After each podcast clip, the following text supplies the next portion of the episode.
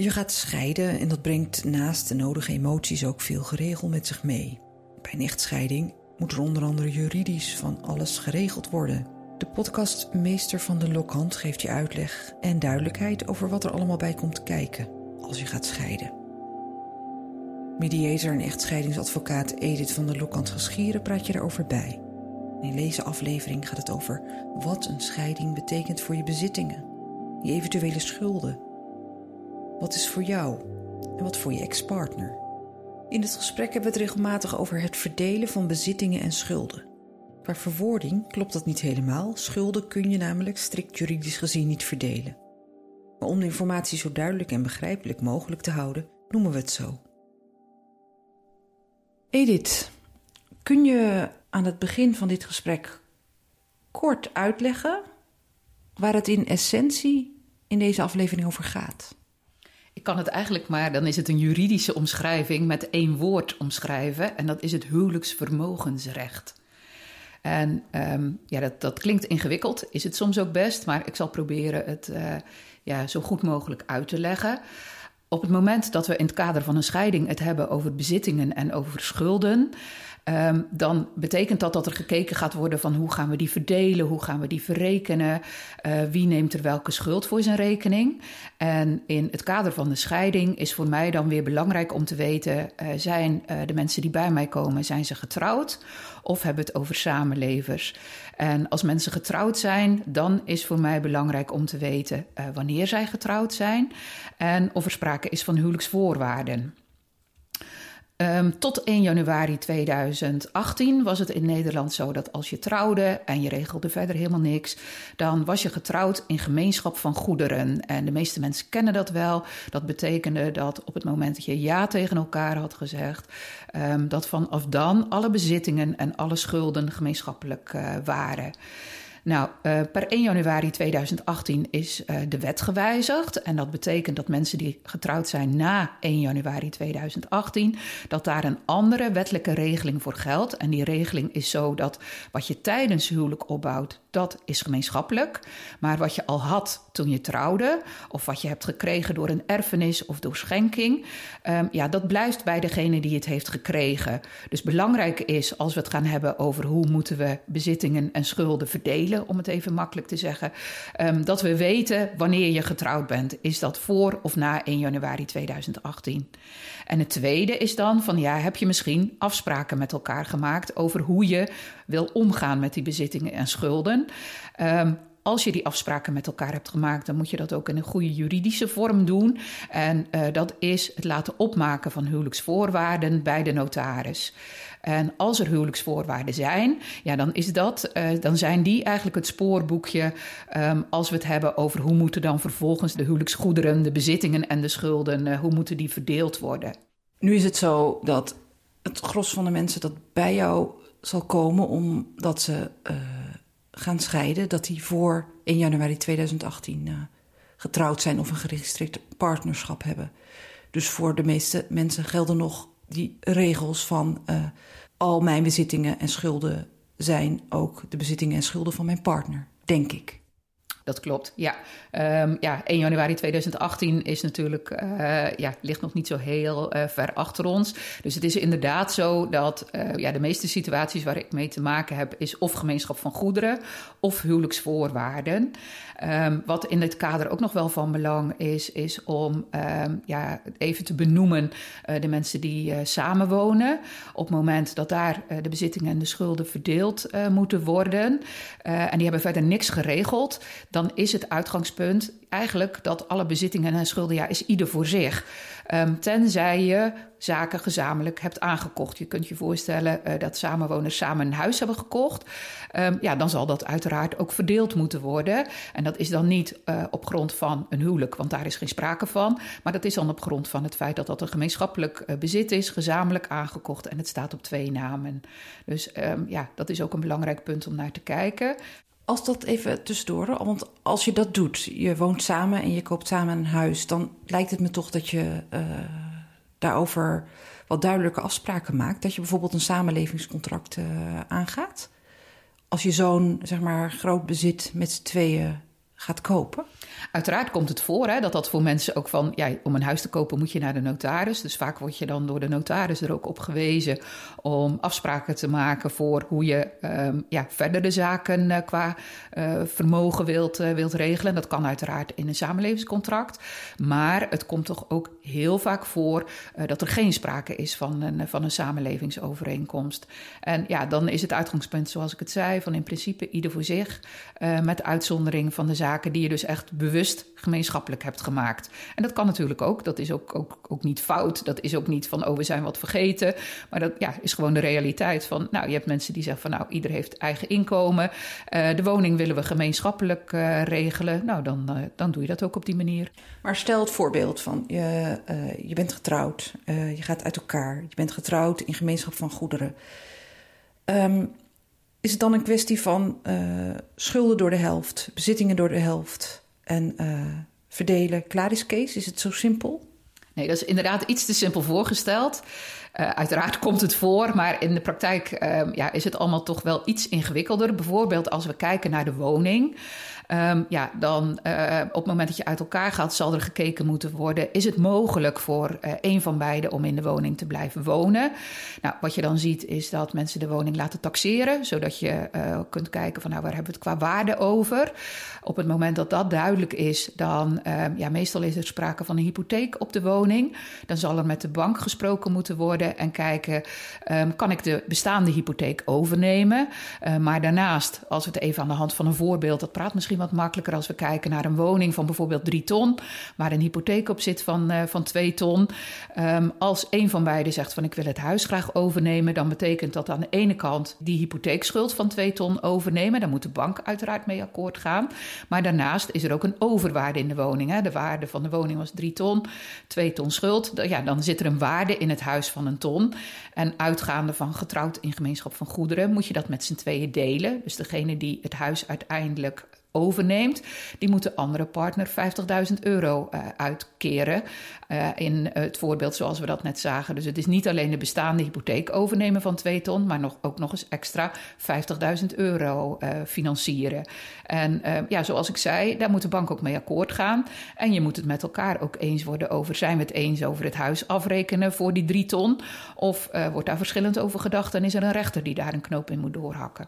En heel concreet als, want jij bent mediator en echtscheidingsadvocaat, jij begeleidt je cliënten hierbij, bij ook deze vaak ingewikkelde en ook wel gevoelige berekeningen. Gaat in gesprek met de cliënten ja, een stukje begeleiding daarin. Hè? En dat is eigenlijk om um, ja, aan te geven wat zijn de zaken die geregeld moeten worden. Dat we eerst eens inventariseren. Uh, er is niet alleen een woning, maar er is uh, misschien ook een, uh, een, een, levensverzekering. Er zijn bankrekeningen. En aan de hand van een checklist lopen we met elkaar door. Um, ja, wat zijn er aan bezittingen? Wat zijn er aan schulden? En vervolgens gaan we per onderdeel met elkaar kijken van nou, wat wil ieder?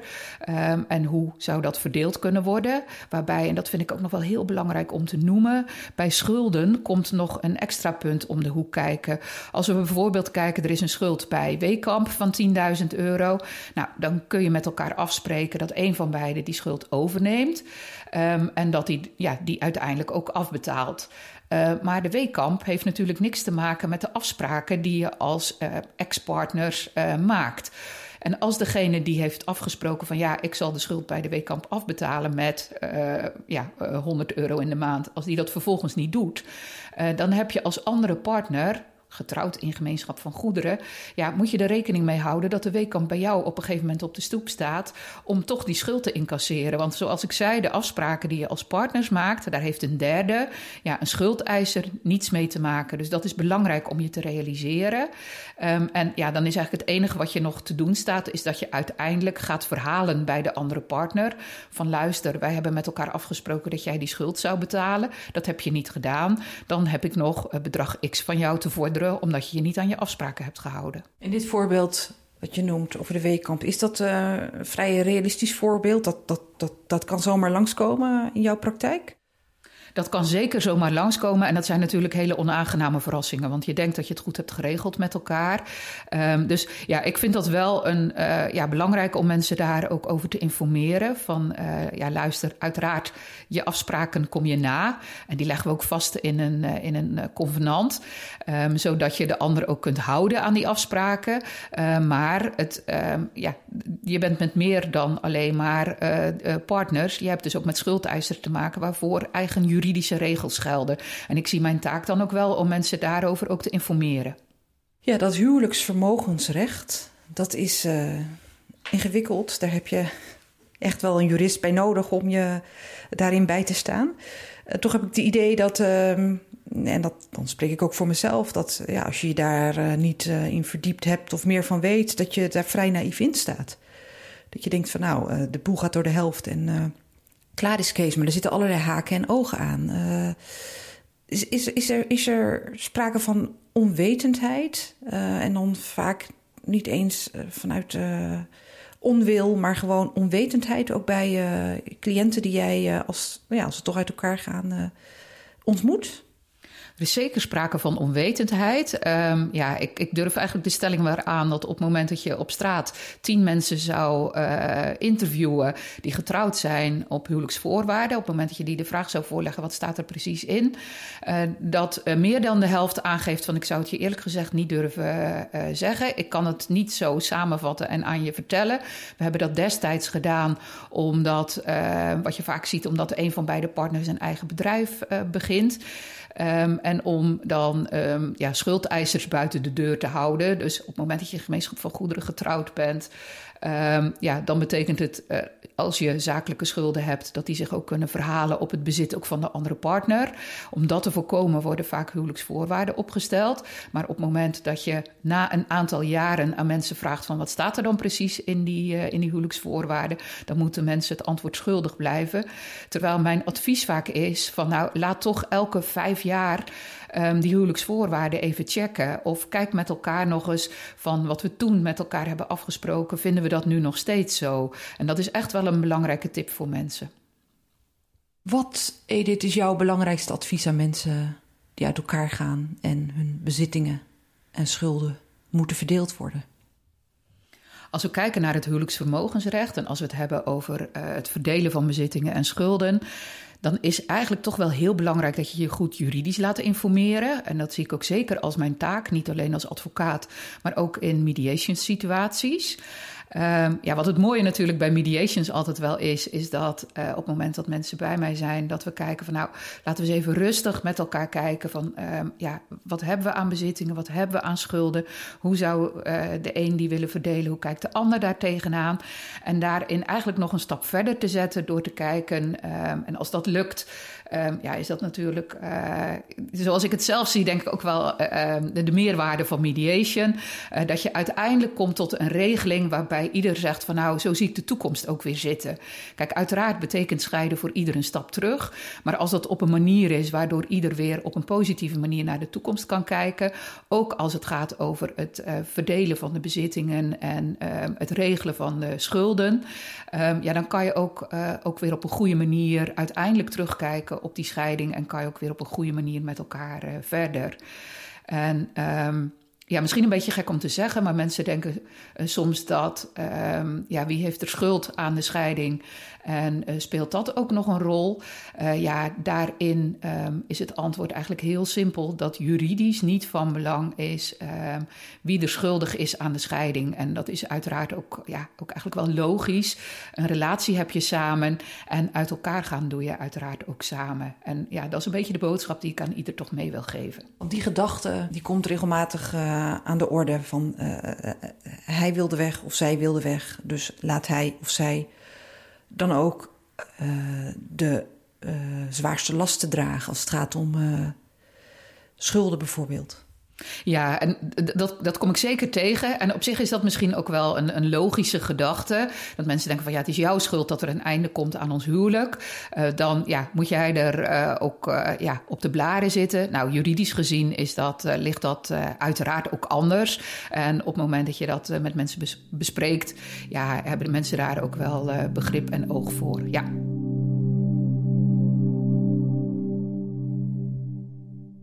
In het uh, voorgesprekje dat we hadden uh, voor deze aflevering zei je uiteindelijk, en dat zou je ook in dit verband kunnen plaatsen, mijn rol is juridisch informeren, zeggen hoe het in de Nederlandse wet geregeld is en dat toepassen.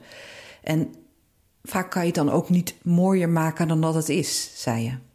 Ja, dat klopt. Dat is natuurlijk ook zo. En uh, ja, dat is, aan de ene kant is dat het mooie van, van, uh, van het recht, van ja, ook de wetten die we met elkaar hebben afgesproken. Ehm, dat die natuurlijk ook heel duidelijk zijn. aan de andere kant kan dat soms ook wel eens botsen met, met gevoelens van mensen en emoties, die uiteraard ook bij scheiden komen kijken.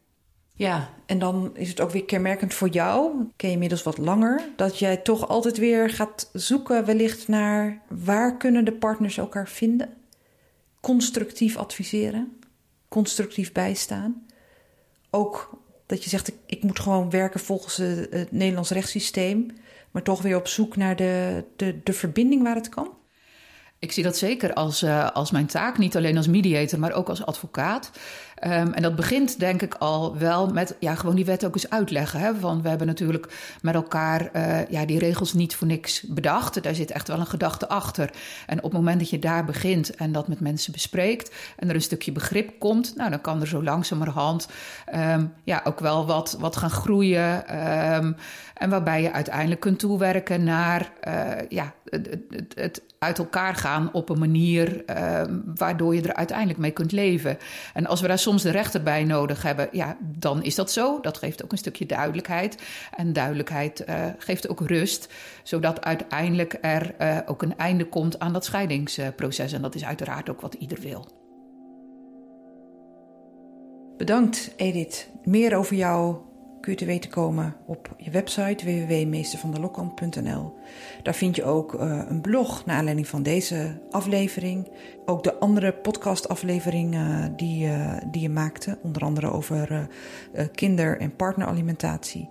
Adviezen die je geeft van hoe je een scheiding, een echtscheiding, door goede afspraken te maken voor kinderen wat minder impact kunt laten hebben. Dus www.meestervanderlokkant.nl